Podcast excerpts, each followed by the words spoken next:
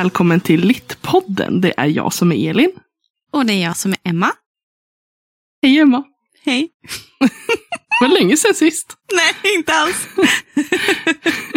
Vi sågs igår. Faktiskt. Exakt. Vi hade lite mini pre-examensfirande, du, jag, Charlotte och Emil och Robert med. Ja. I ert gamla hus i Björna. Eller Ja. på Torsbacken. Ja. Visst är det backen? Backen. Ja. Vi ska ju flytta därifrån så att Ja. ni kom och hälsade på. För det är ganska, jag menar Hörnefors ligger ju inte så långt bort om man räknar till avstånd i det stora hela. Norrlands, Norrlandsavståndet är Ja. helt, helt rimligt faktiskt. Ja, En, en, en, en och en halv timme, en timme. det är rimligare än eh, Sundsvall och Hörnefors. Ja, jag fattar inte vad fan du ska göra där nere. Nej. ja, Gud. förlåt. förlåt. Du behöver inte be om ursäkt. Gud. Förlåt att jag är här. Nej men det var jättetrevligt. Eh, Fast Mm. du och jag ska ju ändå så lämna in våra uppsatser efter sommaren. Så att Mm. eh, vi tar ju examen då. Vi tar ju ändå examen. Det är ju liksom, alltså det, det, det var mina lärare väldigt tydliga med i alla fall. Att du tar fortfarande examen. Ja. Det är skönt att höra.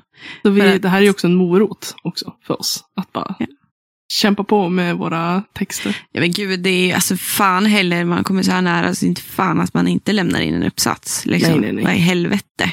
Men självklart, det är examen. Det är Ja. Så är det. Är man klar med alla moment annars och det är bara uppsatsen, då känns det som att man är ju så nära. Ja men alltså det är det man tar examen. Ja, Så är det. Det blir bra. Ja, det var väldigt, väldigt mysigt. Väldigt lagom eh, firande. Jag är inte jätte, ett stort fan av firande alls. Jag tycker det är jätteobehagligt. Jag tycker om att sä- kunna säga att jag har firat. Eller har blivit firad. Eller liksom, alla gillar väl ändå få, att det blir uppmärksammat att man gör någonting stort. Men Mm. jag blir väldigt lätt överväldigad. Jättestressad. Alltså så här, fysiskt mår dåligt. Eh, Så jag har oftast undvikit alla sorters firande. Jag tycker inte om min födelsedag till exempel. Jag hatar min födelsedag. Nej. Eh, Men, men att få fira examen med liksom dig och Charlotte. Liksom Charlotte hämtade ut sin kandidatexamen och som sagt du och jag tar ju examen i år så då var det väldigt fint. Och sen så gav ni mig en käftsmäll. Alltså inte bokstavligt talat. Nej, Det men det, bara- det, kändes, det kändes må jag säga. Alltså jag är fortfarande pratar med Charlotte idag liksom, och jag bara, alltså jag vet inte. Jag vet, alltså jag vet inte fortfarande vad jag ska säga. Liksom, ehm, Alltså det var ju ändå på ett positivt sätt. Det måste ändå så här. jag, alltså jag, jag, är så, jag är så glad. Mm. Jag, alltså, och det hörs inte på mig, för jag kan inte uttrycka, för jag är så överväldigad av allt. Så att jag blir typ awkward. Jag blir jätte-awkward, jättestel blir jag. Särskilt med tanke på att det är liksom, ni såg mig totalt bryta ihop i tårar. Alltså jag grät så att jag hade de här ni vet, urgrundssnyftningarna. Ja, jag skrattade inte för att jag tyckte att det var kul, men jag Nej. skrattade för att, att Emil också började gråta. Ja, det, det var så Emma- fint. Alltså, jag fick en jätte, jättefin examenspresent av, eh, av Charlotte och Elin. Ni är ju mina närmaste Mm. vänner em, för min master då. Och först var det ett kort som det stod eh, typ, det behövs fler kvinnor som dig, fast på engelska, på det kortet. Mm. Och så hade ni rimmat ihop en, ett jättefint rim som jag var tvungen att läsa högt. För självklart måste man alltid läsa högt på alla kort man får för presenter. Men det här var kul att läsa högt, Ja. för det, ni var jättefyndiga. Eh, och jag hade frågat innan om jag skulle, typ, kommer jag bryta ihop nu? Liksom, kommer jag bli ledsen? Och de bara, nej, nej, inte direkt, säger ni då. Och så står det där i rimmet liksom att du kommer troligtvis, förhoppningsvis, gråta och vi kommer också göra det. Man bara, mm, mm. okej. You det- might cry and we Mm. might too okay bye. Så att vi visste ju inte. dåligt. Vi trodde, vi trodde absolut att, att det skulle bli liksom stora känslor. Det trodde vi ju. Mm, ja. Eh, men, sen, men sen var vi också så här. Vi hade gått och hypat upp. Det här, den här presenten hade jag och Charlotte ändå haft som projekt sedan i januari. Alltså det är bara och det vi har är helt otroligt. Ja, vi har ju gått och hypat upp varann. för det här. Mm. Och vi, till slut så blev vi så hypade att vi sa, tänk om det inte är så här bra som vi tror att det är. Tänk om Emma bara lägger typ från sådär bara, ah, bra, tack. så du hade ju aldrig gjort det, men man blir samtidigt i sitt huvud när man har hypat upp någonting så mycket. Ja. Att man till slut börjar säga, men gud, tänk om det här inte blir bra. Tänk om det är bara vi som tycker det är kul. Ja, men alltså, den känslan kan jag absolut relatera till. Alltså verkligen. Du vet, så här, man har någonting är stort för en själv och sen så är det bara crickets. Mm. Ja, men precis. Men det, alltså det är rent, alltså rent Nej. logiskt så var det här den perfekta presenten för dig. Jag har aldrig... Charlotte och Elin gjorde mig till en till Marvel-superhjälte. De, de anlitade en illustratör som på riktigt gjorde, gjorde en comic av mig. En Mm. väldigt, väldigt så här, comic strip comic. Eh, och liksom fick med så mycket detaljer. Och liksom, ni hade gett han min Instagram, så han hade verkligen målat av. Det syndes enligt er som inte är kroppsdissocierade som jag är, ser det ut som mig. Och jag tycker också, alltså jag ser ju, I can see some resemblance. Och jag, det är också en extra present för att det är en så fin kvinna. Det är så Ja. fin karaktär. Hon är så otroligt snygg och cool. Och jag varit så här bara, ser, är det så här ni ser mig? Och då bröt jag ihop ännu mer. För att jag Ja. grät över att bara, ni ser mig ur ett sånt ljus som jag aldrig har ens kunnat föreställa mig att någon ser mig på. Liksom. Och det var allt ifrån liksom att det, det var så otroligt accurate i hur Marvel Comics formgiver sina så här singletter eh, och serietidningar. Och ni hade liksom gjort en liten, liten, liten kort, kort story om Mm. liksom hur jag blev superhjälten. Och, och Du ville få det, med ditt liv liksom. ja, och Det var fick, jätteviktigt. det fick, ni fick med det så, på så komprimerat, men ändå så mycket. Det var sådana detaljer. Det var allt ifrån, var det du eller Charlotte som satt och, och, och grät, skrattade och sa, kolla du har Vans! Du har Jag tror att det var Vans! Charlotte. Men det var också, så här, det var också någonting vi bara, alltså hon måste ha Vans. Och så måste hon ha en bok, hon måste hålla en bok som det står Life is shit and then you die. Och det är på framsidan. Och, så måste hon ju ha, hon måste ju liksom se ut som hon gör nu, så måste ha det liksom de blonda slingorna i Ah. håret och hon måste, alltså vi satt, vi har suttit och dels så pratade vi med 20 illustratörer Ja, det är helt sinnessjukt. för att hitta den som närmast skulle liksom komma vårt mål. Mm. Vår, se, kunna liksom förverkliga vår vision. För vi hade ju sån genomarbetad plan. vi hade till och med en, så här, en skiss typ hur vi ville att det skulle se ut som vi skickade. och och så här, vi bara, vi ska ha så här många rutor, vi ska ha den här texten, vi ska ha det här. Can you make it happen? Alltså det är helt... Alltså jag ser mig själv bli alldeles knallröd i ansiktet. Alltså jag, och det, alltså jag, är, jag, är helt mål, jag var helt mållös hela dagen. Jag var helt, helt ur fas resten av dagen igår. Alltså helt så här, jag bara, minsta lilla sak gör mig överväldigad nu. För att det är sån... Det var så mycket detaljer. Det var allt ifrån att liksom ni fick med en, en specifik punkt i höstas när jag valde att färga mina, mina slingor. Mm. Och liksom på sätt och vis har väl det liksom under eh, i underton, liksom, eller liksom, underförstått mellan oss och mig att någonting hände med mig. Liksom plötsligt, liksom, där jag bara tvärvände och blev typ mig själv igen på väldigt, Mm. väldigt länge. Eh, och hur det liksom just de där slingorna är liksom en del i den dräkten. Liksom, Mm. att när jag hittade min kraft. Liksom. Alltså, det är så sjukt att sitta och analysera en comic om sig själv. Vad fan är det? Jag tror det är höjden av narcissism. Åh då- gud. Och sen liksom ville vi fånga så här, typ din barndom. Och Mm. så här, du har ju berättat liksom känslan av att vara annorlunda. I och med att du Mm. också fick din ADHD-diagnos så sent. Ja, jo. Att vi liksom ville få med lilla Emma och, och dig som superhjälte. Att du på sätt och vis liksom, växte upp. ja, men räddade dig själv. Liksom, liksom så här, att du kunde gå tillbaka till lilla Emma och liksom så här, skydda henne.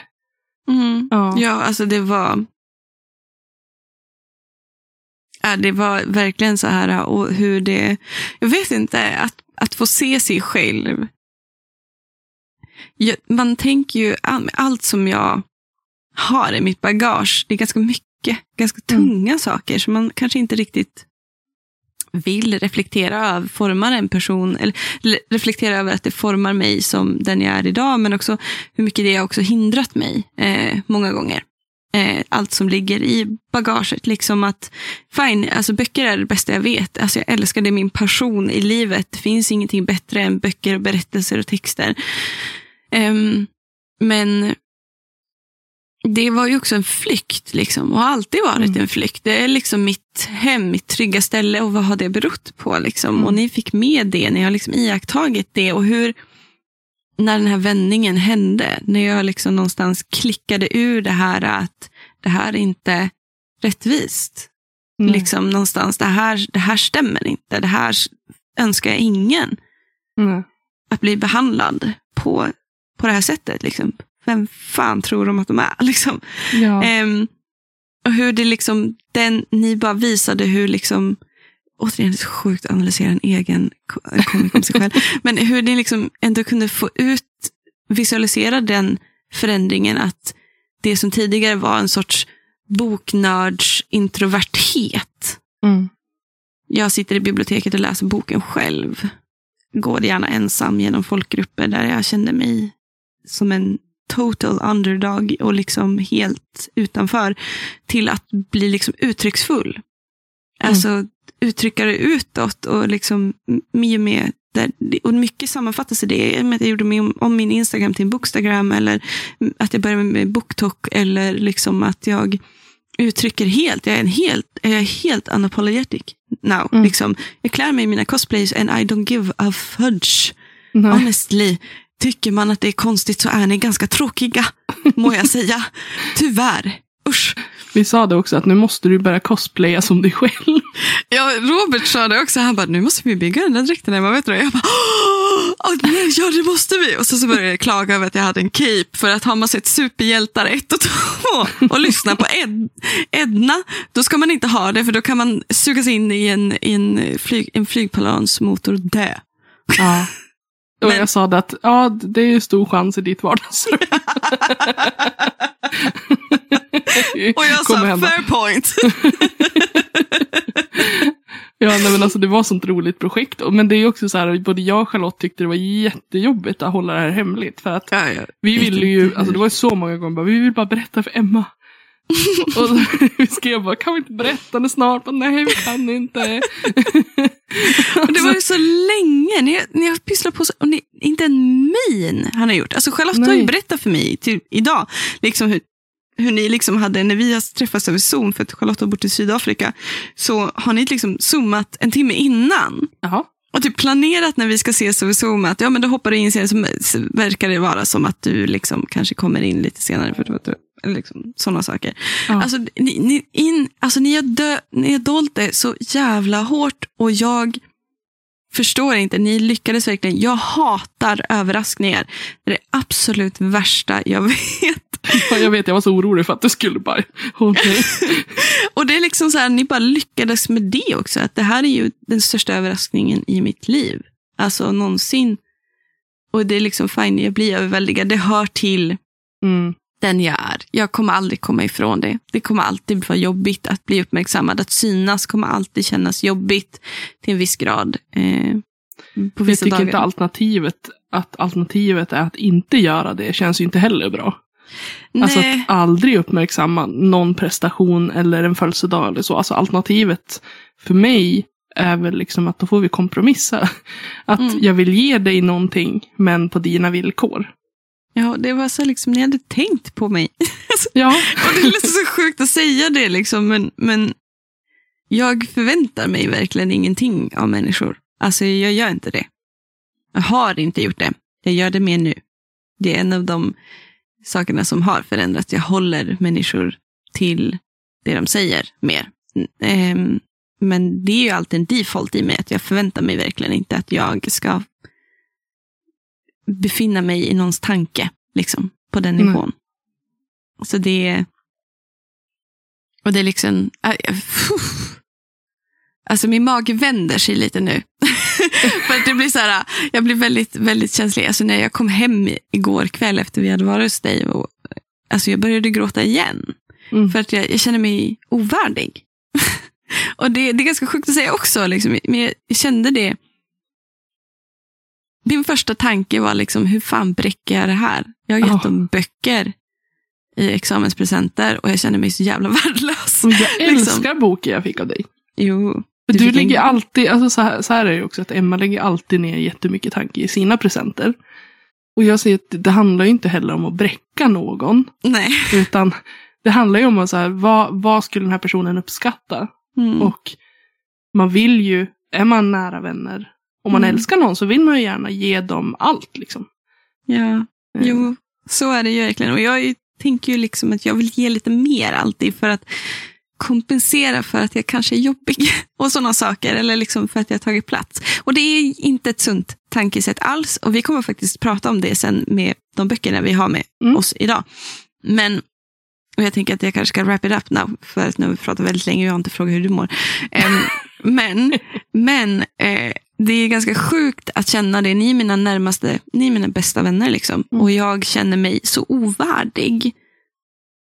Eh, och att få syn på det, som jag Mm. kände att jag fick syn på, att hur ovärdig jag känner mig, Mm. mina vänner, är liksom så sorgligt. Och jag är för evigt tacksam. Jag håller nästan på att börja gråta nu, jag vill inte. Jag är för evigt tacksam över att ha er i, min, i mitt liv. För att jag har aldrig haft det här någonsin i mitt liv. Nu kommer jag också börja gråta. Ja. Sluta! Vad är det som händer? Ehm, väldigt känslosamt. Alltihop var det är det största. Alltså, ingenting slår det här. Ingenting. Ing, det är liksom, det här är, det här är kärlek. Det är bara vad det är. Och, det, och jag ska försöka shut up about it and not be bitter about you being better than me. Att visa kärlek. Men Alltså vi har så många år att bräcka varann. Det är lugnt. Det kommer hinna. Vi får till det. Ja, vi får väl se. Vi får väl se. Ja, i alla fall. Hur mår du, Elin? Alltså jag är så knäckt. Oj. Alltså, vi, vi var ju uppe i Övik i helgen för att... Vi ska ju som sagt sälja hus och vi, Mm. vi flyttade ju innan vi sålde huset för att vi, det bara blev så. Livet tog oss dit det tog oss. Så att vi kan Mm. ju liksom inte eh, åka upp så ofta vi vill. Så därför går Mm. det liksom långt mellan gångerna. Och vi måste liksom verkligen få ut så mycket som möjligt av tiden vi är där. Ja. Så det har ju varit fullt upp i helgen. Jag har haft jättekul också. Jag fick träffa er, vilket var jätte, Mm. jättemysigt. Jag fick träffa Evelina och hennes familj och det var jättemysigt också. Mm. Äta tillsammans med dem. Men Evelina är Elins bästa vän som inte lyssnar på podden. jag, ja, jag tror inte att hon lyssnar på podden. Annars kommer jag få ett sms med lyssna visst. Om jag inte får det så har jag en bekräftelse på att hon inte lyssnar. Men det är okej. Eh, vi är vänner ändå. Ja. Eh, nej men alltså vi kom hem eh, halv ett igår. Åh, jävlar. Mm. För att vi hade ett släp. Vi, vi spenderade ju liksom kvällen tillsammans igår. Vi åt middag Mm. tillsammans Mm. och det var jätte, jättemysigt. Och sen eh, ungefär vid halv nio så Mm. eh, började vi rulla från Övik. Och då hade vi ett jätte, jättetungt släp. Mm. Så vi kunde inte köra mer än 80 Åh gud. mellan Örnsköldsvik och Sundsvall. Och nu är det ju många som kanske inte vet hur långt det är och jag vet inte exakt. Det är över 20 mil i alla fall. Ja, gud det är en bit. Eh, Och ni körde inte Viksjö antar jag, utan ni körde E E4. Ja, Ja. och för oss blev det ju närmare 30 Mm. i och med att eh, huset vi kom ifrån ligger långt utanför stan Ja. och huset vi bor i som vi åkte hem till då, ligger också fem mil utanför Sundsvall. Mm. Så att det tog, eh, det tog så lång tid, vi var så trött. Mm. Och när vi kom hem och sådär. Eh, jag har bara känt mig seg och vi har burit möbler idag från Mm. släpet och sådär. Så jag är ganska trött. Men Mm. Jag, jag känner mig ändå, det har varit en väldigt rolig helg. Mm. Eh, jag har haft jätte, jättekul och det var jättemysigt att träffas. Jag känner sig uppfylld av den här Ja. helgen. Mycket energi. Oh, vet du vad jag gjorde idag? Nej. Oj, nu alltså. Nu är det ju, nu är det ju balkongsäsong. Ja. Emmas balkonghäng. Det är mitten av, det är slutet av maj. Vad gör jag alltid i slutet av maj? Handla blommor. Handla blommor och ska plantera. Ja, det är jättemysigt. Du älskar ju din lilla balkong också. älskar min balkong. Du, du hänger min- ju där typ 24 timmar om dygnet på sommaren. Så att, Jupp. Jupp. det där jag skriver mina skräckhistorier bland mina rosa blommor och bin. Och jag köper jättegärna, i år har jag verkligen satt, satsat på alltså blommor som pollinerar mycket, det vill säga drar till sig väldigt mycket fjärilar, humlor och bin.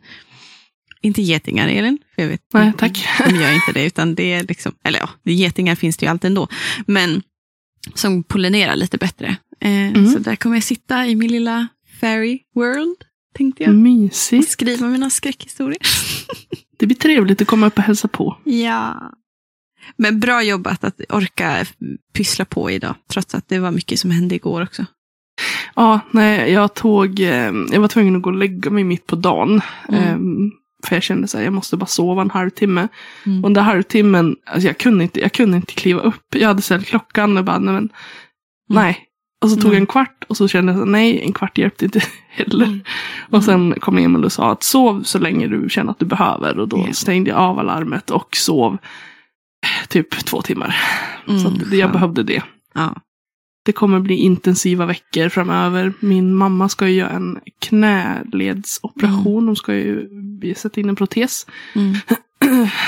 näst, nästa vecka. Mm. Så det, det är mycket som händer. Mm. Hjälpa till hemma och sådär. Mm. Livet. Livet. Det var det.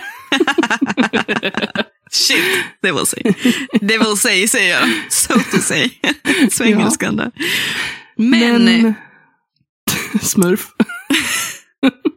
vi, vi tänker, ja men som du sa, det vart ju en bra övergång nästan. eh, Att Mm. vi ska prata lite grann om böcker som, ja men prata lite grann om, eh, vad sa Att du nu? arbeta på sig själv. Men de kallas nog, de faller i nog kategorin eller genren eh, självhjälpsböcker då. Ja. Det vill säga, det är inte, det, fin, det är på sätt och vis fakta. Men jag själv skulle inte säga att det här är någonting man ska skriva en uppsats om. Nej, det här är också väldigt mycket subjektivt, tänker ja, jag. Att absolut. det, det oftast baseras från egna erfarenheter när det kommer till Precis. självhjälpsböcker. Om det inte är liksom en erkänd psykolog eller eh, någon som Exakt. är väldigt känd som skriver om psykisk ohälsa liksom utifrån Mm. ett, eh, ett perspektiv av att man har behandlat människor. Exakt. Men eh, vi har ju valt ut några böcker. Vi tänker vi ska Mm. väl liksom inte gå in djupgå Nej, men i dem. Men vi ska prata lite allmänt om böckerna och lite grann om vad vi tänker. genren. Ja, precis. Läser du mycket självhjälpsböcker? Alltså jag, jag undviker dem som pesten egentligen. Mm. hatar självhjälpsböcker. Jag tycker att det är för subjektivt och jag tror att egentligen hatar jag inte själva kanske författarna eller idén ens. Det, jag, kan tro att, jag tror nog att det här för många är riktigt bra. Man inte har råd med terapi eller man inte vågar eller man de var också skrivna ur ett, ur ett väldigt spännande berättarperspektiv oftast. Liksom, oftast erfarenhetsbaserad liksom, ehm, eh, berättarperspektiv eh, erfarenhetsbaserat berättarperspektiv. En psykolog kanske återberättar sessioner den hen har Mm. haft. Liksom. Ehm, men jag tror att jag har jätte, jätteproblem med kulturen kring dem. Eh, Ja. Över människors naivitet. Och jag är ju superkritisk. Eh, jag är en- den personen som säger fel per definition eller rätt per definition. Jag är ju den. Tycker väldigt mycket om källkritik om man säger så. Eh, och har sådana problem med att människor tar det här som absoluta sanningar och inte som erfarenhetsperspektiv. Ehm, utifrån skrivförfattarens perspektiv, det vill säga. Eh, och, och jag har extra svårt för de metodsböcker som är Mm. självhjälpsböcker. Jag har jättesvårt för typ den här en procent metodsboken som finns, Mm. eller vad den heter, som blev super, eller glukosrevolutionen, där man ska prova på. Och absolut som värst tycker jag är de som handlar om livsstilar. Alltså de kräks jag över. Så det är svårt att hålla minen på jobbet liksom. För att Ja, det funkar inte. Tyvärr. nej, alltså jag, jag kan också tycka liksom att självhjälpsböcker i vissa fall är väldigt viktiga att, det, att de finns. Mm. Ehm, för att man inte dels ska känna sig ensam om sina liksom, problem, Problem. besvär. Att man eh, rent liksom, juridiskt eller allmänbildande ska kunna få kunskap om Mm. saker du har rätt till. Jag tänker så här, typ Mm. vid skilsmässa. En, Mm. en, en bok om hur du navigerar Mm. kring det. O- olika sådana här självhjälpsböcker som är väldigt nyttig på så sätt. Och sen finns det ju absolut de som promotar en livsstil som är problematisk. Eller en Och- kategoriserande livssyn. Har jag problem Ja, med. Typ den liksom- här äh, du är omgiven av böckerna. Psykopater, idioter, Ja. narcissister eller sådana saker. Och det är så här, eller omgiven av idioter tror jag den första heter. Och jag bara så här, men alltså först och främst vilken tråkig människosyn. För det andra, det stämmer ju inte. Det kan inte stämma. Alltså det går inte. Du kan inte ha gjort den här researchen utan att du på något sätt har fifflat med resultaten. Och för det tredje, så dränk dig. Tack. Oj, det var hårt. jag ska inte vara så hård. Men jag, jag, jag kan tycka liksom att det har ju blivit så himla vanligt det här med influencers. Ja. Att de ska skriva böcker om hur de nåd, nådde sin framgång, hur de, hur de gör det här och hur, hur, hur man ska leva och hur du ska få livspusslet att gå ihop. Och det där tycker jag kan vara lite lurigt för att som Mm. influencer, en lyckad Mm. influencer, så sitter du också i en helt annan situation än många Mm. av den som läser boken sitter i. Ehm, och Men det finns, ju, det finns ju också, man måste ju alltid ha en tanke på kapitalism i det där också. Alltså, eller liksom Ja. ekonomi. Alltså, men alltså, jag tror absolut ekonomisk klass. Och jag tror absolut att många av de som skriver självhjälpsböcker, att de gör det för att de får en bra, bra deal av Mm. det. Det är Mm. inte för att de nödvändigtvis vill bara hjälpa människor. Nej. Så för Nej. de böcker jag har valt till då, det känns verkligen som att de vill dela sin erfarenhet för att hjälpa någon Mm. som läser Mm. att komma till samma punkt där de är. Mm. Mm. Och det tycker jag är jättefint. Mm. Jo, Men- samma här också. Alltså verkligen. Men jag kan också tycka att självhjälpsböcker överlag, speciellt när det kommer till psykisk ohälsa, stress, depression, um, sexua alltså, Ja. ehm, sexualitet och så vidare, det är så stigmatiserat. Mm. Det känns oftast, inte för att man liksom har en anledning att tycka att det känns jobbigt att stå vid självhjälpshyllan, Nej. men det finns fortfarande liksom det här stigmat av att man inte ska visa upp att man har ett problem. Ja, och det där det brukar vara typ en ledtråd för mig. Eller en, ett sök, en söktanke jag har när jag går igenom. När jag väl kanske vill kolla i självhjälpshyllan. Eller bland populär eh, fakta och sådana saker. Eh, och det är, vem är det som har skrivit den här boken? Och hur benämner de problemet de pratar om? Eller hur, vad är tesen eller vad är titeln på boken? Mm. För att på riktigt står det så här blir du lycklig. Eller lycklig resa. Eller lycka på det här sättet. Eller själavård på det här sättet. Eller så här mår du bra. Det här är din mål. Där, där, där. Alltså alla de böckerna, det är rakt ner i toaletten för mig. På en Ja, gång. alltså jag kräks. Nej, det finns ingen magisk eh, ingredienslista för lycka. Eh, det är inte enkelt mot lycka. Lycka är någonting som vi lever med på samma sätt som vi lever med olycka. Och det går inte att kontrollera, precis som att känslor inte går att kontrollera. Däremot kan du liksom alltid bemöta. Du reagerar ju på saker och agerar på saker. Och skriver du att det här är typ lyckometoden, nej men alltså då har du ju själv grava problem, tänker jag. Så då lever- öppnar jag inte boken.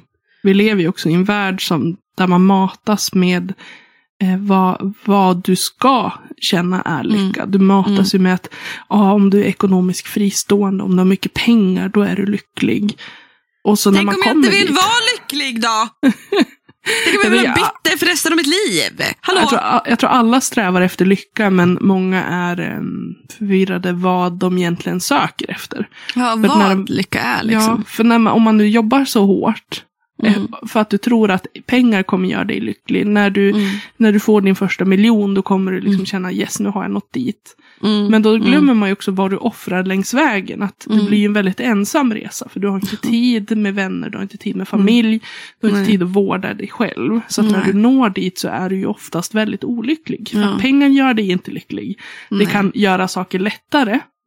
Och det kan ge dig alternativ som kan vara, kännas trygga. Men trygghet och lycka behöver inte vara samma sak. Nej, exakt.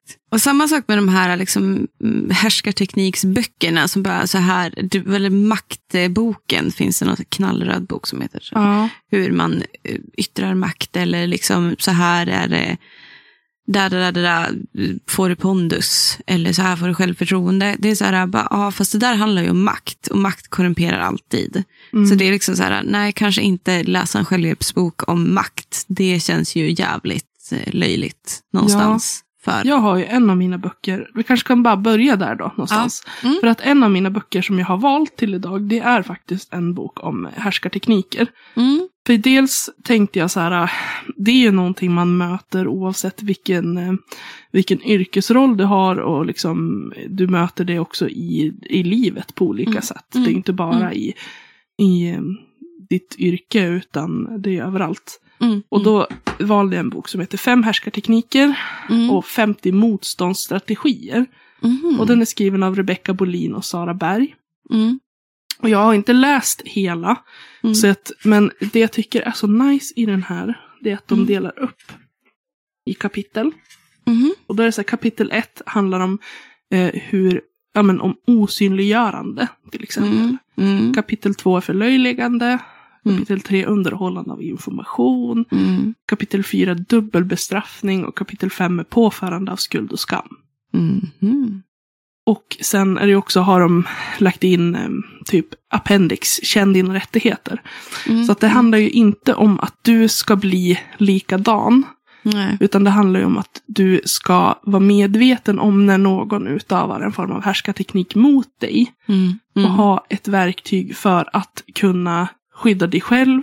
Mm. Att kunna hantera det efteråt. Vad gör jag i Mm. den här situationen? Mm. Och det är olika liksom, så situationer de målar upp där någon utsatt, Mm. utsätts för en härskarteknik som faller under varje Mm. kapitel. Är det, då liksom, det- är som typ så här cases som presenterar, det är en casebok. Ja, och det är, det är påhittade cases, så att det är ju Ja. påhittade människor. Mm. Och jag läste lite grann ur kapitel 1, till exempel osynliggörande. Att det, ehm, att eh, det, men det där, där man, att det man säger inte tas på allvar riktigt. Mm. Utan det är först när någon som har högre status eller högre trovärdighet säger samma sak, det är då liksom det får effekt. Mm. Mm. Att man liksom blir reduceras till en produkt snarare, att man blir mänskliggjord. Mm. Okej. Man, man blir liksom, man, man ser den inte. Vad ger de som exempel liksom då? Eh, ja, men eh, ett exempel var en kvinna som jobbar i en, eh, en eh, färgbutik. Ja. Tänk Colorama liksom. Mm. Och hon står med en kund. Och andra färgbutiker också. ja. ja, det var den första jag kom att tänka på. eh, nej, men hon står och pratar med en kund och ger den här kunden information. Och kunden är väldigt så här, mm, nah, jag är inte så intresserad av vad du har att säga. Liksom, väldigt så här ifrågasättande. Mm. Och så kommer en man som är lite äldre tror jag. Eh, uppenbarligen har mer erfarenhet. Alltså jobbar längre i butiken. Mm. Och säger samma sak som den här kvinnan säger fast på ett helt annat sätt. Mm. Och kunden blir, åh men gud vad skönt att någon, liksom, någon, förstår, liksom, någon, för, någon förstår sig på det här. Mm. Och att känslan den här kvinnan lämnas med, liksom, att ja men jag har ju sagt det. Det är precis Mm. vad jag sa. Mm. Det där känner man ju också igen. Mhm. Att Mm. saker man säger, Mm. att folk bara, ah, jag är inte så säker, men någon annan säger det, då jublas det liksom högt. Och så, ja, vilken fantastisk idé, så, men det var ju precis det jag menade. och, och det är liksom en form av härskarteknik. Och det är inte alltid att, för det tar de också upp, att det är inte alltid att den människan som utövar härskartekniken är medveten om det heller. Nej. Utan det, det är också ett inlärt beteende Ja. Som vi som samhälle liksom också måste, vi måste, vara väldigt medvetna om hur vi behandlar andra och hur vi Mm. tillåter andra att behandla oss. Mm. För någonstans måste man ju också våga sätta gränser. Mm. Att Mm. alla kommer kliva över dig om inte du Mm. har verktygen för att säga stopp. Mm. Mm.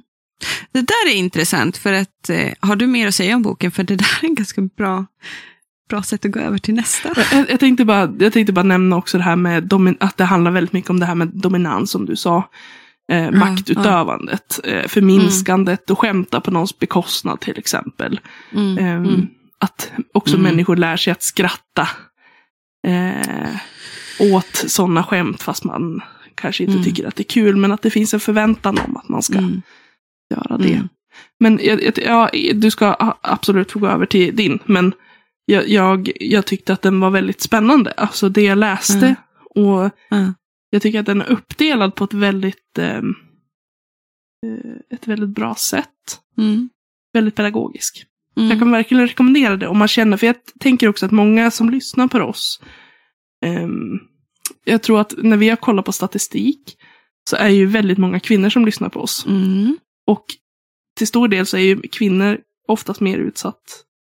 Alla blir utsatt för härskartekniker, så är det ju. Men Mm. utifrån statistik, inte vår statistik, men utifrån statistik så är ju kvinnor också ofta satta i sårbara positioner. Så här på arbetsplatser där män utövar makt. Ja, Eh, där män på- har en slags au- auktoritet. Precis, en annan sorts pondus som inte vi får gratis. Om man Ja. säger så. Så, Så det var det. jag hade att säga om den boken. För att jag, jag har ju två böcker, du har också två böcker, vi ska gå Mm. tillbaka till din andra bok sen. Eh, men jag tänkte faktiskt inte börja prata, jag har en bok som handlar om ADHD. Mm. Och så har, har jag lyssnat på en bok eh, som inte handlar om ADHD. Men eh, är skriven av en psykolog som heter eh, Händel. Gud. Gud, jag Där fick du en brain fart alltså. Alltså, nej men alltså, är, jag är, litar inte på min hjärna just nu. Eh, library. Eh, jag lyssnar på den på Audible och andra ljudboksappar som finns. Men Audible specifikt har den här eh, boken, så att tyvärr, om man vill lyssna på den, går att beställa hem tror jag. Men den heter eh, It, It, It's Not Always Depression by Hillary Jacobs Händel. Hillary Jacobs Händel är en eh, psykolog. Eh, jag ska gå in och kolla lite på title details så jag ger en rätt bra översikt. Eh, hon är psykolog och har skrivit den här boken utifrån hennes sessioner med olika sorters eh, patienter. Eh, det här är en new theory of listening to your body, discovering core emotions and reconnecting with your authentic self. Och redan där vill man ju kräkas. Det här är Mm. faktiskt min psykolog som har tipsat mig om den här boken och jag har ett så otroligt högt förtroende för min psykolog så att fine, tänkte jag. Jag lyssnar på den här boken. Det som är bra med den här boken är att du kan, jag lyssnar på ljudboken. Hennes hemsida har också hela teoribyggnaden för varje case. Eh, så att man kan faktiskt följa med i en pdf gratis på hennes hemsida. Det hon säger i, i boken. Det är inte boken i själva textformatet. Men alla teorier hon presenterar är nedskrivna så för varje patient. Mm. Och det här, eh, eh, Jacobs Händel är psykolog. Eh, hon arbetar, tror jag, just i USA. Eh, vet inte riktigt vars, har inte kollat upp riktigt det. Eh, men så här står det på baksidan, eller ja, i innehållsförteckningen. We were all taught that our thoughts affect our emotions, but in truth it is largely the other way around. We have to experience our emotions to truly understand our thoughts and our full selves. This is why we should not we should think not only about cognitive behavioral therapy, as alltså KBT, Mm. or med medication, alltså typ antidepressiva och sådana saker, but also about our emotions when addressing psychological suffering.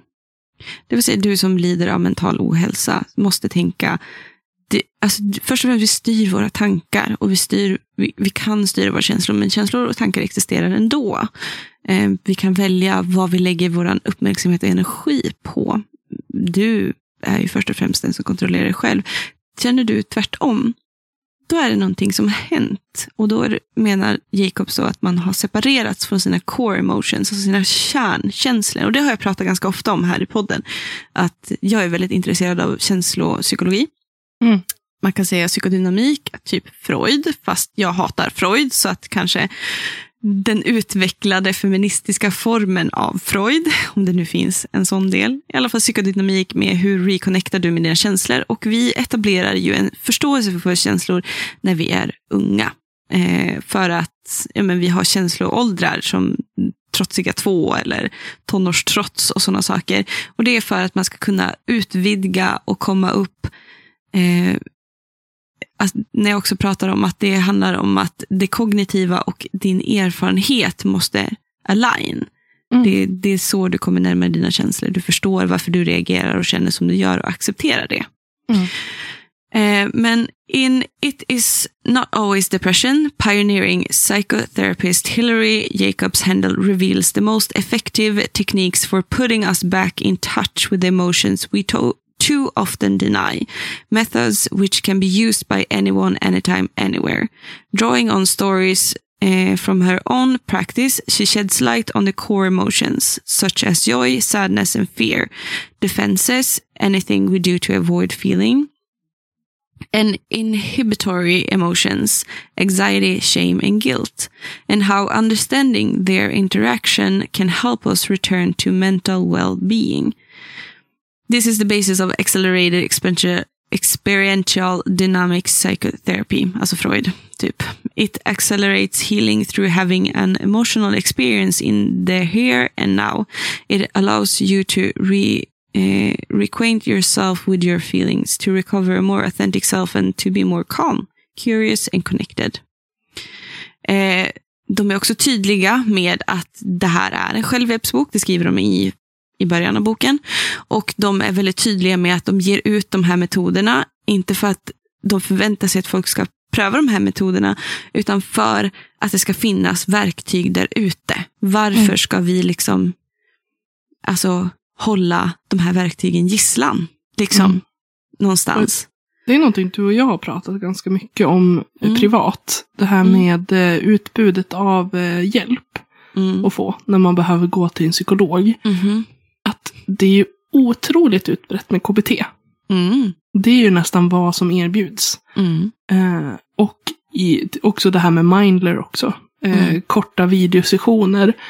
Men jag tycker oftast att det inte finns tillräckligt många olika alternativ. Nej. Som, för att det passar ju inte alla. KBT Nej. passar inte alla. Mindler passar inte alla. Nej. Det måste finnas mer verktyg mm. och mer sätt att liksom eh, mm. att attackera problemet. Och jag tänker mm. att det är jättebra att då mm. finns det en sån här bok. Det mm. kanske inte är ett, liksom ett helt substitut för att gå och prata med någon, men jag tänker Nej. att man kanske kan få någonting som man inte får. Mm. Och som sagt, det de vill är ju att uppmana till nyfikenhet. Mm. De säger inte att nu kommer du vara läkt efter den här boken. Du kommer, vara, du kommer ha reparerat den skadan som gjordes. Eller du kommer inte känna dig som plötsligt en ny person. Utan du kommer komma närmare den du vill vara. Ditt mm. autentiska jag. Och du kommer liksom kanske bli nyfiken snarare än sorgsen och rädd för liksom för det, vad som pågår i dig. Mm. Och det kommer liksom någonstans, det är lite det här eh, skapa kontroll i att förlora kontroll. Eh, mm. Men också någonstans i att bli också medveten om att, att sätta gränser. Alltså det pratar de väldigt mycket om. Jag tycker väldigt mycket om de här case studiesarna, alltså när man får höra de här olika sorters eh, sessionerna. För man känner igen sig jävligt mycket i många delar och inte alls i andra delar. Men man känner alltid igen sig i just det här uttrycket av core emotions. Och det är väldigt intressant. Eh, mm. Kärnemotioner eller kärnkänslor som vi har. Det kan ju till exempel som beskrev så här, glädje, ledsamhet, rädsla. Men även äckel, ilska. Som jag har haft jättestora problem med ilska. Jag har inte ens kunnat bli arg när jag verkligen, verkligen måste bli arg. Liksom. Mm. Utan det har oftast uttryckt sig inhibitory emotions, det vill säga alltså istället för känslor som blir ångest eller skam eller Mm. skyld, känslan av skuld där det inte ska vara det. För att vi undviker det som vi har blivit indoktrinerade i att vi inte får känna. Nej. Och lite snabbt så kommer jag också att prata om ADHD sen. Eh, och där är det här jättevanligt att man har eh, kapat kontakten med sina kärnkänslor. Du kan inte riktigt känna glädje, för din nivå av glädje är inte välkomnad och det har vi fått höra sedan du var ett barn och kunde uttrycka känslor. Samma sak med ilska. Alla de här kärnkänslorna har varit för mycket. För mycket inom citationstecken. Jag är inte för mycket, ingen med ADHD är för mycket. Vi bara tänker annorlunda och andra människor tänker som de tänker. Låt dem, låt oss. Och jag tycker den här boken har, har, har hjälpt mig jättemycket. Inte, alltså jag har en större nyfikenhet och jag tycker att jag och min psykolog har bättre samtal efter jag började lyssna på den här boken. Mm. Men också så känns det skönt att veta vilken metod min psykolog använder på mig. Jag och mitt kontrollbehov. Liksom. Jag förstår vad hon gör, varför hon gör och jag förstår hennes anekdoter och jag känner inte mig misstänksam mot henne alls. Annars brukar jag alltid känna mig jävligt misstänksam eh, mot de flesta liksom, som försöker och ska liksom, vara där och peta på saker. Varför då? Eh, men också den här vänligheten i Jacobs bok är Mm otrolig. Jag känner den genom jag har känt mig så omhuldad och så mycket omsorg att det här är verkligen bara för ens eget bästa. Funkar det här inte för dig så funkar det inte och det är okej. Det är inget fel på dig därför. Mm. Funkar det för dig är det helt fantastiskt, glädjefyllt, otroligt. Och hon är väldigt noggrann med att beskriva när det lyckas för hennes patienter hur genuint lycklig hon känner sig. Ja. Och det, det tycker jag är helt otroligt faktiskt. Alltså verkligen helt otroligt. Eh, sen är jag ju som sagt skeptisk. Alltid skeptisk. Eh, och eh, jag tycker att det är en bra sak. Och jag förstår att det är en del av min egenskap. Av min, så att mycket av det här, delvis applicerar jag på mig själv. Men också hur jag tittar på andra människor. Jag har en tendens att vilja psykoanalysera alla människor jag har. För att jag vill maska. Så att jag kan anpassa mig så att jag inte blir för jobbig. Men jag kan också se varför gör det här dem obekväm? Mm. Är det mitt problem? Nej, det är det Mm. inte. Get the fuck out of here, typ. Det tycker jag den här boken har stärkt mig. Styrkt mig. Mm. Ja, du tipsar ju den även till mig. Så att jag, Ja, gud. och nu har jag ju Audible också. Ja, Ehm, så då kanske man ska ta och lyssna lite grann kanske. ja. Jag tycker att man ska lyssna på det med nyfikenhet. Eh, Mm. Försiktighet tycker jag alltid alla sorters eh, psykoterapeutiska sammanhang och teorier ska man alltid vara jävligt försiktig med att gå in i. Ja, jag tror också att man ska vara väldigt försiktig. medveten om att det här, som du säger, att det här är ingenting som kommer läka ihop dig. Det är inget Nej. substitut för ett samtal eller medicin eller, Nej, alltså det är ju en det kombination. väcker, det väcker nyfikenhet. Ja, Och nyfikenhet är bra, för nyfikenhet är en kärnkänsla. Och det är den kärnkänslan som får oss att driva framåt. Mm. Att gå framåt, det är det som får oss att vilja leva. Så det, i, det, i det syftet är det bra. Eh, är det för att du tror att du behöver hjälp? Nej, nej. Gå till en psykolog, honey. Bunny. Det var det. Var det. Vad är din Min andra, andra bok? bok. Eh, ja, men det handlar väl också lite grann om det här med att ehm, med känslor. Eh, och vi pratade förut om stigma kring att prata om eh, ehm, mental ohälsa. Mm. Och då har jag valt en bok som heter Anonyma prestationister, en historia om stress. Jag tyckte att den också är väldigt träffsäker, dels i den här podden, för både du och jag har kämpat med prestationsångest. Åh gud. Och båda vi har varit otroligt stressade i perioder, vi har gått in i väggen, vi har varit deprimerade, det har vi varit väldigt öppna med. Mm. Och jag mm. tänker att det finns människor i den här, i, som lyssnar på oss också, som har gått igenom samma sak. Så därför Mm. tycker jag också att så här, det, det kan vara väldigt intressant att prata om. Och intressant för att vi lever i ett prestationssamhälle. Det gör ja, exakt. Och den här boken är skriven av Adam Svanell och han är redaktör för eh, Svenska Dagbladet. Okej. Eh, så det tyckte jag var väldigt intressant att Ja. att det är också en, liksom en svensk, eh, man får liksom en arbetsplats och man får Mm. liksom följa eh, hans resa liksom, för han har Och varit på sätt och vis ett utbränd. lyckat liv liksom. Ja men precis. För han pratar ju om eh, sin liksom, historia om utbrändhet och han varvar dels också historia med stress, eh, alltså hur diagnosen utbrändhet och stress eh, i Mm. svensk historia. Mm. Det tyckte jag var jätteintressant, liksom Ja, hur gud, det ja. också först ansågs vara typ, typiskt manligt. Det här med att det är väldigt jobbrelaterat för att mannen är the provider. Mm. Och att mm. eh, liksom, ja men, Mm. Han, han utsätts för mer stress. Mm. Och när det var kvinnor som hade ut, liksom, utvecklat stress och sådär och de jobbade så var liksom en lösning av att ja, men då kanske det är bättre att du går hemma och tar hand om barnen. För det är inte stressigt alls. nej, nej men alltså det, man, det, det var väldigt intressant hur han tog upp liksom dels sig själv men också historien kring Mm. Mm. vår syn på utbrändhet Mm. och eh, hur det har påverkat samhället som sådant. Liksom. Mm. Ehm, han pratar också mycket om det här med det här med tacksamhet. Mm. För han pratar om så här, hur kan jag känna så här när jag har nått den position jag har nått? Åh, gud. Precis som vi sa, liksom, att det här med ekonomisk lycka, liksom, att när man Ah. har nått dit så tror man att man nu. Ja. För han, han liksom minns tillbaka till han var 19 år och stod på Mm. ett slakteri och höll på att packa kött liksom, på rull, rullband. Och där var det liksom Mm. jättestrikt att du får inte där- gå en minut tidigare, du får inte liksom, Mm.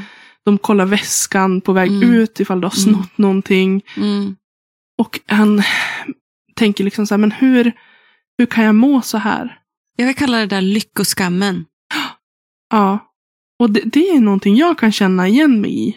Att Ja. jag kan känna skam Mm. över att må så här. För man tänker så här, men Mm. man, man hade kunnat haft det värre. Jag har liksom stabilitet här, jag har vänner, jag har familj. Mm. Varför mår jag dåligt? Mm. Men att det handlar ju inte om allt du har. Det är, ju, det är ju någonting annat som, som gör Mm. ont i dig. Mm. Och det, Mm. det påverkas ju inte hur pass lyckad du är. Nej. Det, Nej. alltså, jag tänker, de rikaste av rika kan ju uppleva depression precis som... Och det finns ju en anledning varför rika knarkar. Ja, exakt. Liksom. Att, precis som vi sa, ekonomisk, eh, liksom, ekonomiska möjligheter gör dig inte lycklig.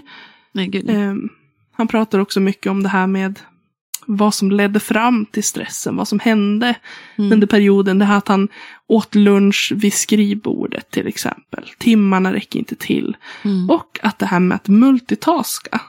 Att vi lyfter upp det som någonting jättepositivt. Ja. Och där fick Mm. jag mig en käftsmäll. Alltså jag, Mm. jag har alltid satt värde i att jag kan ha många bollar i luften. Mm. Och att jag är stolt över när jag har lyckats multitaska. Okej. Vilket är sjukt osunt. Ja. Är det ju. Mm. Men det är också någonting samhället uppmuntrar. Mm.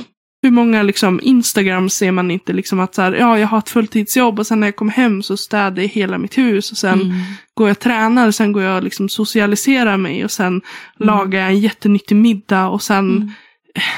Har jag själv liksom så spa-behandling hemma och sen Mm. kliver upp klockan fyra och mediterar. Alltså det, Mm. det är någonting vi liksom möter att du ska kunna hålla många bollar i luften Mm. När får Och det bara- existera då? Liksom Nej, bara. precis. Det, så här, får man verkligen bara säga att så här, ja, men jag vill inte göra någonting. Mm. Jag vill bara sova, Mm. jag vill bara vila, Mm. jag behöver det. Utan nej, du ska, Mm. du ska använda nästan 24 timmar om dygnet till att vara Effektivt. produktiv. Mm. Ja. Och Det där, är så jävla det, löjligt att vara produktiv, alltså det är en lögn. men det är ju också Produktivitet någonting, är en lögn. Tror jag. alltså det här med eh, att vi också säger att män eh, inte kan liksom göra två saker samtidigt. Det är någonting kvinnor liksom, så här, men vi kvinnor, vi kan i alla fall. Och det är också någonting så, ja, för det, vi, vi har varit tvungen. Ja. Vi har varit tvungen att kunna göra Mm. många saker samtidigt Mm. för att det har funnits Mm. ett glapp. ja. För att män gör inte saker, de behöver inte. Behöver inte. Nej. Och sen, alltså, det, det finns absolut män som gör... Ja, och alltså, multitaskande alltså, kan ju översättas till också även att ha flera projekt samtidigt. ja. Alltså det är ju liksom att, att det där, återigen vi kommer, kom, vi kommer komma in på ADHD, det är vissa special, eh, persons, personlighetstyper också som, Mm. som, som har en tendens att ta på sig mycket saker att göra. Att göra roliga saker, absolut, du kan hitta vila i det också, i kreativa intressen eller hobbyn och så, hobbys och sådana saker. Men det är när du ska vara produktiv i det. Det är när du ska prestera i det Ja, som det och jag- blir ett problem. Och jag tänker också att det där är väldigt, dels är det ju miljöbaserat. Vad, Mm. vad, hur såg det ut i din uppväxt? Mhm. Vad, vad värdesattes? Eh, Mm. vad, vad fick du lära dig? Och det behöver inte vara Mm. dina föräldrars liksom, fel. Att du har blivit liksom, eh, en extrem prestationsmänniska. Mm. Nej. Men för att det är någonting de också levde med. Mm. att det är ett det är, ett, det är ett värde som går i arv, liksom, att man ska värdesätta det. Mm. Och jag tycker att det som är så intressant också i det här, eh, Mm. för att många som lyssnar på oss också har, eh, ja men de gillar litteratur, kanske har Mm. författardrömmar eller journalistdrömmar. Mm. Och här pratar han väldigt mycket om eh, yrket journalist. Mm. Hur stressigt och ohälsosamt det är. Mm. Eh, för att man hela tiden känner stress över sin anställning. För att det är sällan, Mm. det är mycket frilans. Du, Mm. Det är sällan att du kan få en fast anställning. Det är högt tryck på jobb. Mm. Och att den här otryggheten skapar ohälsan. Mm.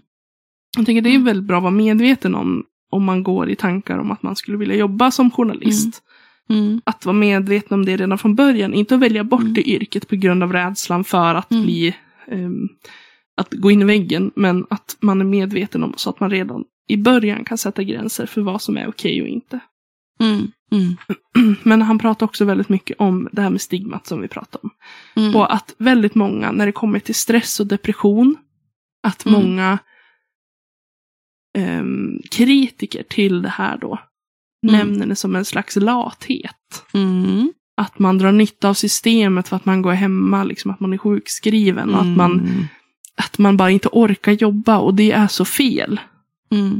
Att man, och det kan jag också tycka, det här med djungeln av självhjälpsböcker kan ju också vara ett problem i det här äh, när man Mm. söker efter litteratur, speciellt när det kommer till stress och utbrändhet. Mm. Att du har så svårt att ta tag i saker. Mm. Så att hur ska du kunna välja en bok också?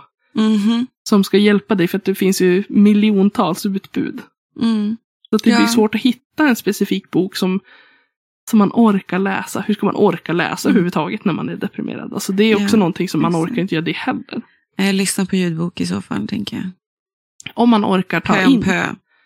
För det kan ju också vara liksom en mental trötthet. Att du orkar liksom inte ta in någon, någon Mm. ljud. Du kan bli ljudkänslig, ljuskänslig. Det kan, Exakt. alltså en hjärntrötthet drabbas Mm. ju många av efter de har Mm. gått in i väggen till exempel. Mm. Men det, nej men jag tycker att det var väldigt intressant. Båda de här böckerna tyckte jag var väldigt intressant att bläddra Mm. i. Eh, Mm. Men framförallt den här Anonyma prestationister. För han Mm. nämner också, alltså anledningen till att han valde titeln. Det var för att han gick på eh, här stressmöten och det var med flera olika deltagare och de skulle lära sig till exempel det här med att andas i fyrkant och så vidare. Mm.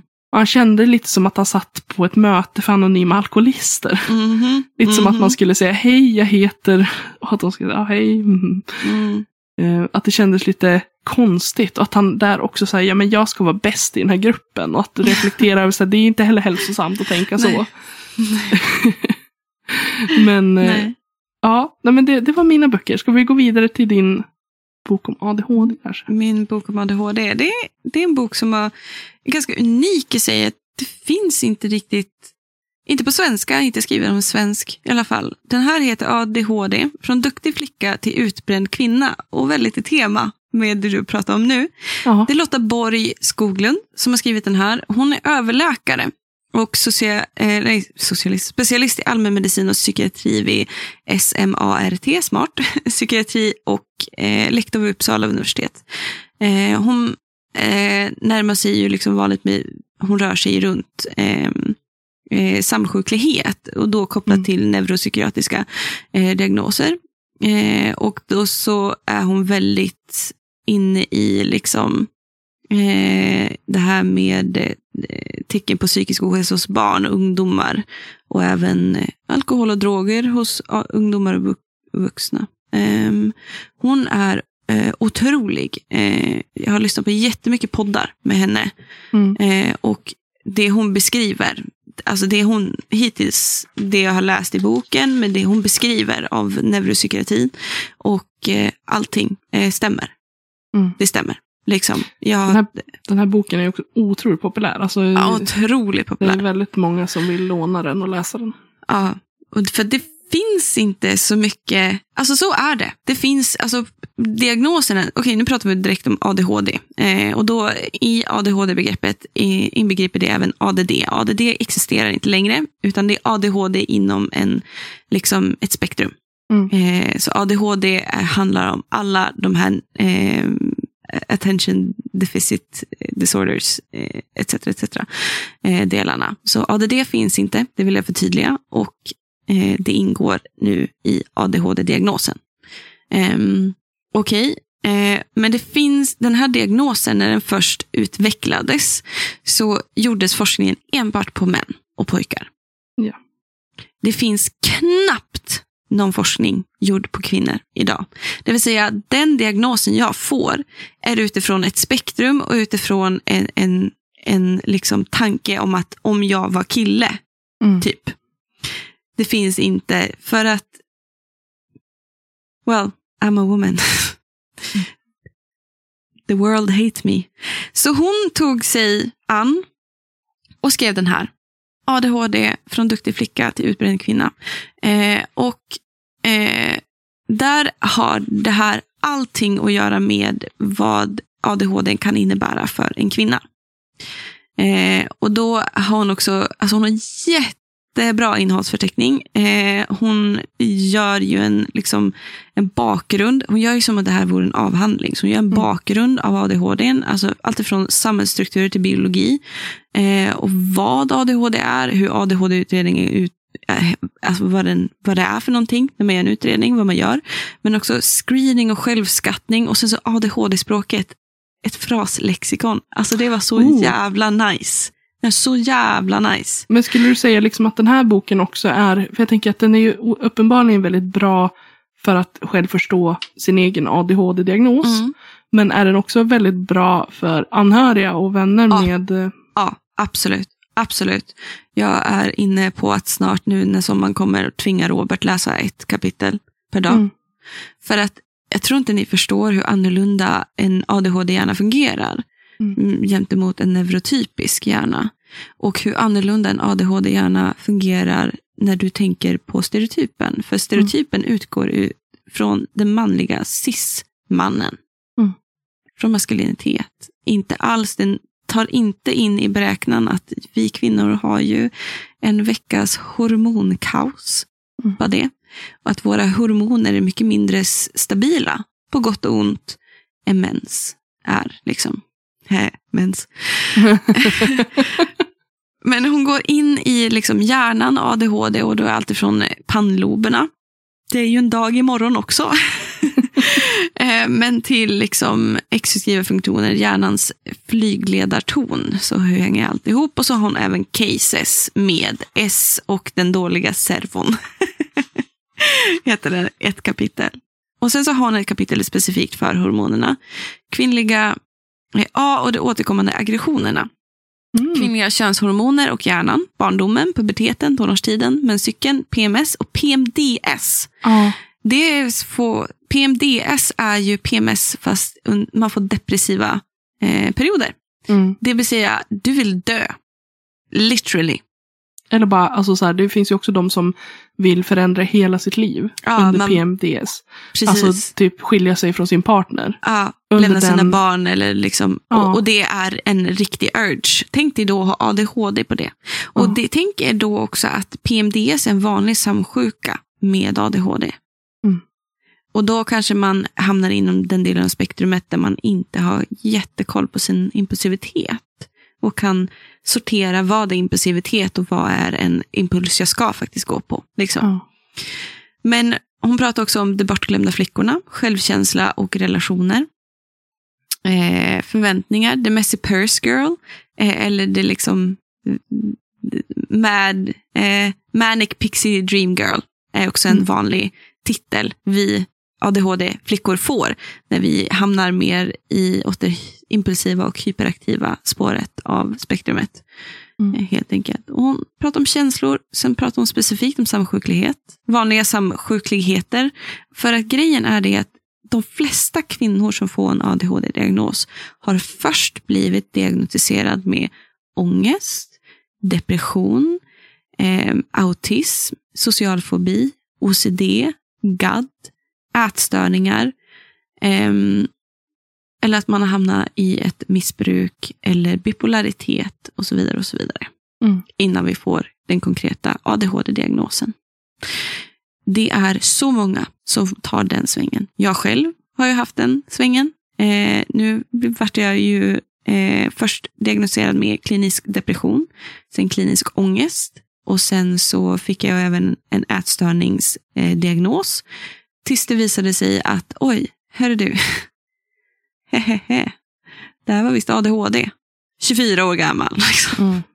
Efter att ha gått den svängen och provat alla sorters antidepressiva som också fuckade upp hela mitt... För det är också min, min, kem, min biologiska kemi i hjärnan är ju, fungerar ju inte som en norm. En neurotypisk. Det vill säga, de här antidepressiva har ju i stort sett förstört många delar av mina receptorer i mm. hjärnan. Som har behövt läka i liksom frånvaro av dem. Mm. Och sådana saker. Men sen så kommer hon in på också att leva ett liv med ADHD. Eh, om det här med stigmatiseringen, men också det typiskt kvinnliga och liksom prokrastineringen, hur jag lever med det och eh, tvivlet. Alltså imposter syndrom mm. är liksom en del av ADHD. Om du någonsin känner en imposter syndrom, den här när jag pratade om när Elin och Charlotte gav mig min present, det här att känna sig ovärdig. Mm. Det är en kamp. Jag är aldrig värdig. Aldrig. Nej. Nej, och man kan ju inte heller säga liksom att ja, men, kom igen, det är klart att du är det. Nej. För att det är ju också en känsla. Att en känsla, även om verkligheten, mm. in, alltså inte, den speglar inte, inte verkligheten. Liksom, det är att, inte bara en känsla, alltså det är en övertygelse. Mm. Jag har också fått det berättat för mig sedan jag var liten att jag är inte är mm. värdig. Inte mm. värdig. Och det är liksom, ja men då är, blir det ju en övertygelse. Liksom, mm. Jag har ingen självkänsla. Jag har också då väldigt svårt att sätta gränser för människor. Mm. Jag blir ju liksom en, en sorts konstig version av pick me girl någonstans. Jag toleransnivån bara... liksom för vad som är okej att utsättas ah. för är ju också väldigt låg. Alltså så här, okej, okay, det här är okej. Sen, mm. men det här är inte alls okej. Nej, nej. Exakt, det är inte okej redigera. Men däremot är ju också din, alltså din syn på hur andra ska behandlas. Mm. Den är ju, du har ju liksom, där är du ju väldigt liksom tydlig med vad, mm. så här, men du förtjänar inte det här. Och sen mm. kan ju det, det speglar ju mm. inte liksom hur du ser på dig själv. Liksom. Nej, nej, nej. nej. Så det blir andra alltså, spelregler för andra. Exakt. Jag, är, jag finns till för andra. Och det är också väldigt vanligt. De, de vänner jag har liksom pratat med som också har ADHD och de jag mötte i och med diagnosen. Det är liksom default. Jag finns till för andra. Jag är mm. ett verktyg, jag är inte ett subjekt. Din, subjekt, alltså din uppfattning av ett subjekt liksom att, vara ett, att existera som ett subjekt, det är helt fakt. Mm. Jag, jag, det är liksom, det är svårt att förklara liksom. Hon förklarar det väldigt bra, men jag kan inte återberätta det. Um, men det blir liksom någonstans att min värdighet måste gå att ta på. Mm. Det vill säga, jag tänker när jag får världens bästa superomtänksamma, omsorgsfulla, kärleksfulla examenspresent, då tänker jag, hur bräcker jag det här? Mm. För att min kärlek, min kärlek, ni ska förstå hur mycket större den är än den ni visar mig nu. Och den är jättestor, den ni visar mig nu. Och jag har inte ens visat i närheten. Liksom, alltså, alltså jag, mm. när jag säger att jag liksom man, man är en karaktär många gånger som en ADHD-människa, en människa som lever med ADHD. Du har en väldigt stark karaktär. Eh, och då inte i en stark karaktär, utan du är en väldigt... Eh, du syns väldigt mycket. För att du existerar inte annars. Nej. Och det är väldigt sorgligt och det är väldigt typiskt för kvinn, en kvinnlig ADHD. Jag existerar inte om, liksom, om jag inte är det här. Liksom. Så du får en sån kris i livet liksom någonstans. Och jag tror att det är väldigt viktigt, som också Lotta gör, eh, och belyser det. Att det mm. där är så osunt, för att då kommer vi in på det där med prestationer till exempel. Jag med ADHD är, en av mina grundfunktioner är liksom att multitaska. Mm. Det, är hela min, det är hela min grej. Det betyder inte att jag ska multitaska. Men eftersom jag tänker att syns jag inte så existerar inte jag. Eh, kan inte jag känner en så stark känsla av misslyckande om jag inte får en människa att känna sig sedd och omtyckt och älskad. Så att jag gör allt för det. Och det mm. betyder ger så mycket tankekraft och så mycket energi och så mycket pengar, alltså praktiska fysiska saker för att hitta rätt sätt att ge den personen vad jag tycker att den personen förtjänar. Mm. Och jag säger inte att människor förtjänar mindre, men det betyder, det betyder inte att jag ska göra det till den graden att jag bränner ut mig själv. Nej. Och det är oftast där man hamnar som kvinna och ADHD. Det är också så, när man typ får barn så slutar man oftast existera som mm. kvinna med ADHD. För att ditt barn är du. Det, det är hela ditt allt. Inte för att du vill leva igenom ditt barn, men för att ditt barn är liksom du existerar bara för barnet. Och det, på sätt och vis så är det ju att vara förälder. Men du raderar ut dig själv. Du blir ett verktyg även för barnet. Mm. Varav en av anledningarna till varför jag också har valt att vara barnlös fram tills nu. Vi får se vad som händer i framtiden. Jag anser inte att jag kommer kunna ge ett sunt liv till ett barn. Mm. Helt enkelt. Bland massa annan problematik också. Självklart, det här är inte det enda, men som ett exempel. Och det är liksom, man förklarar alla de här sakerna som man har svårt att sätta ord på själv. Och jag ser nog med den här boken mindre som en självhjälpsbok än, och än mer som en karta eh, mm. över hur det är. För att jag går på en motorväg där bilar kör 120 kilometer i timmen och jag trivs där. Och jag har ingen som helst förståelse varför man går på trottoaren. Mm. Och människor tittar på mig och bara, för jävla clown som går mitt i trafiken. Ingen av de som går på trottoaren skulle kunna gå där jag går. För att de är inte jag. De har inte ADHD. Men det skulle absolut vara säkrare för mig att gå på trottoarkanten. Jag skulle säkert komma längre och fortare framåt. Men det har blivit liksom där jag har hamnat. Mm. Och att det blir en karta både för mig med ADHD att se det. Okej, okay, du klarar av att vara på den här motorvägen. Eh, du överlever på den här motorvägen och du kommer fram och du har lite kul för det är lite spännande. Eh, det kommer att vara tusen gånger bättre att gå på trottoaren. Du behöver inte gå precis på trottoaren hela tiden, men du kan gå på trottoaren. Det är mm. okej. Okay. Du, du, du hör också hemma där. Du får vara mm. där. Och du får prova det. Trivs du inte så gå tillbaka ut till motorvägen. Då. Och människor måste ge mig plats att få mm. vara där. För de är så vana att ha den platsen för sig själv. Liksom, mm. någonstans. Så att det är liksom en karta för mig.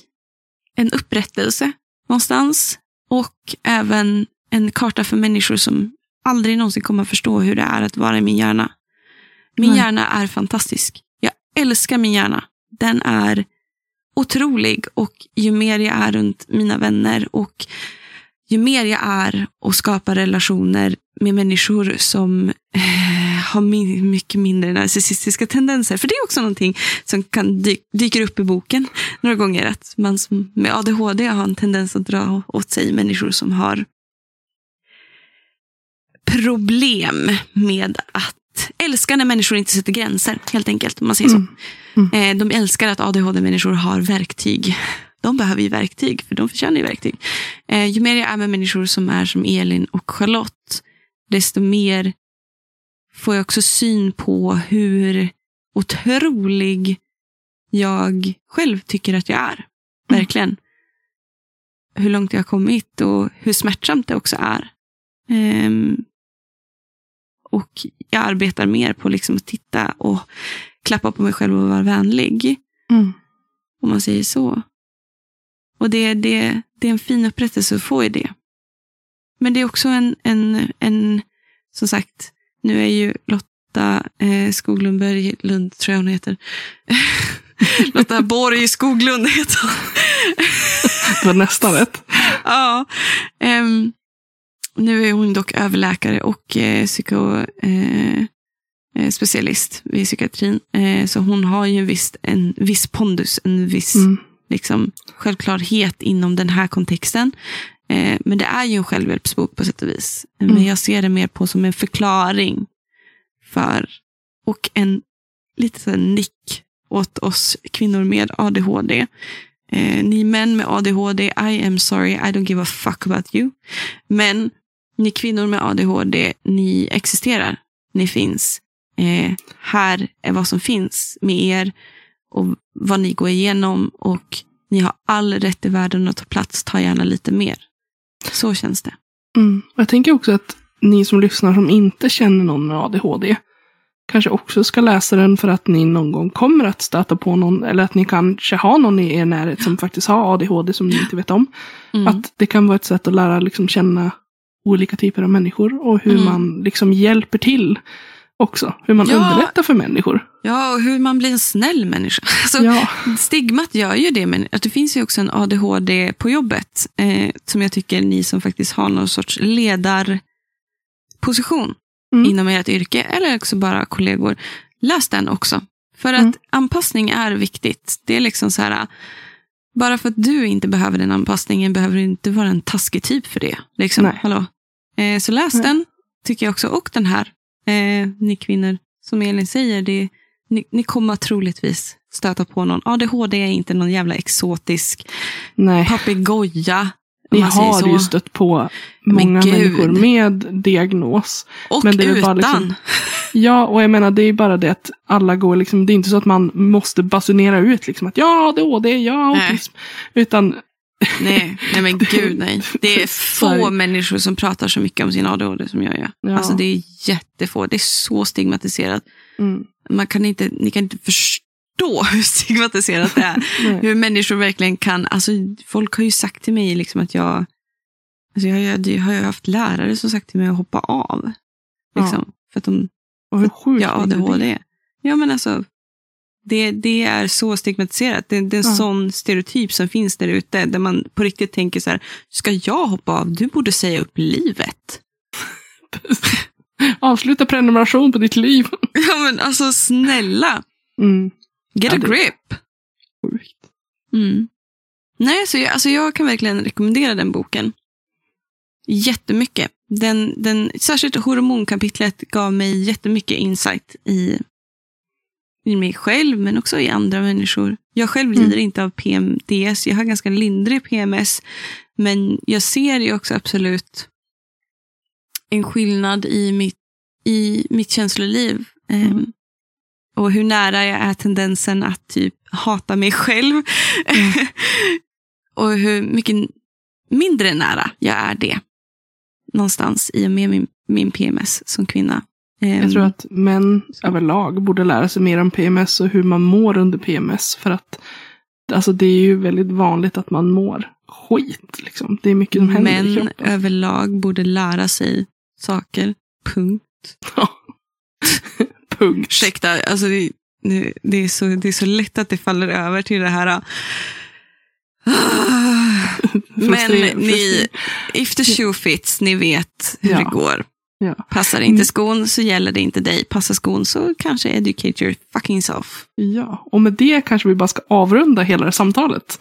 Eh, Men det har varit du- ett väldigt bra eh, samtal. Så Jag tycker det. Alltså, det var väldigt bra boktips tycker jag.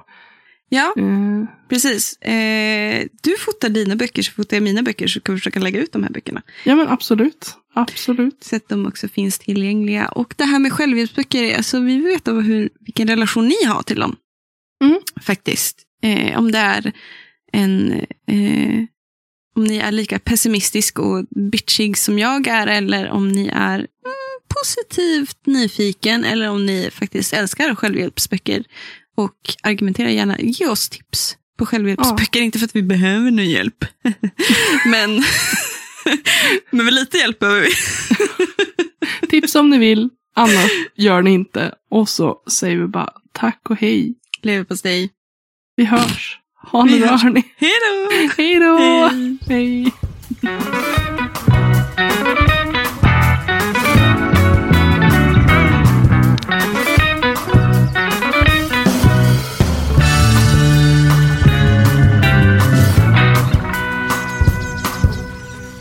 Ni har lyssnat på Littpodden med Elin Oslin och mig, Emma Granholm. Musik och klipp av Magnus Kjellson och Robert Granholm. Tack hörni för att ni har lyssnat.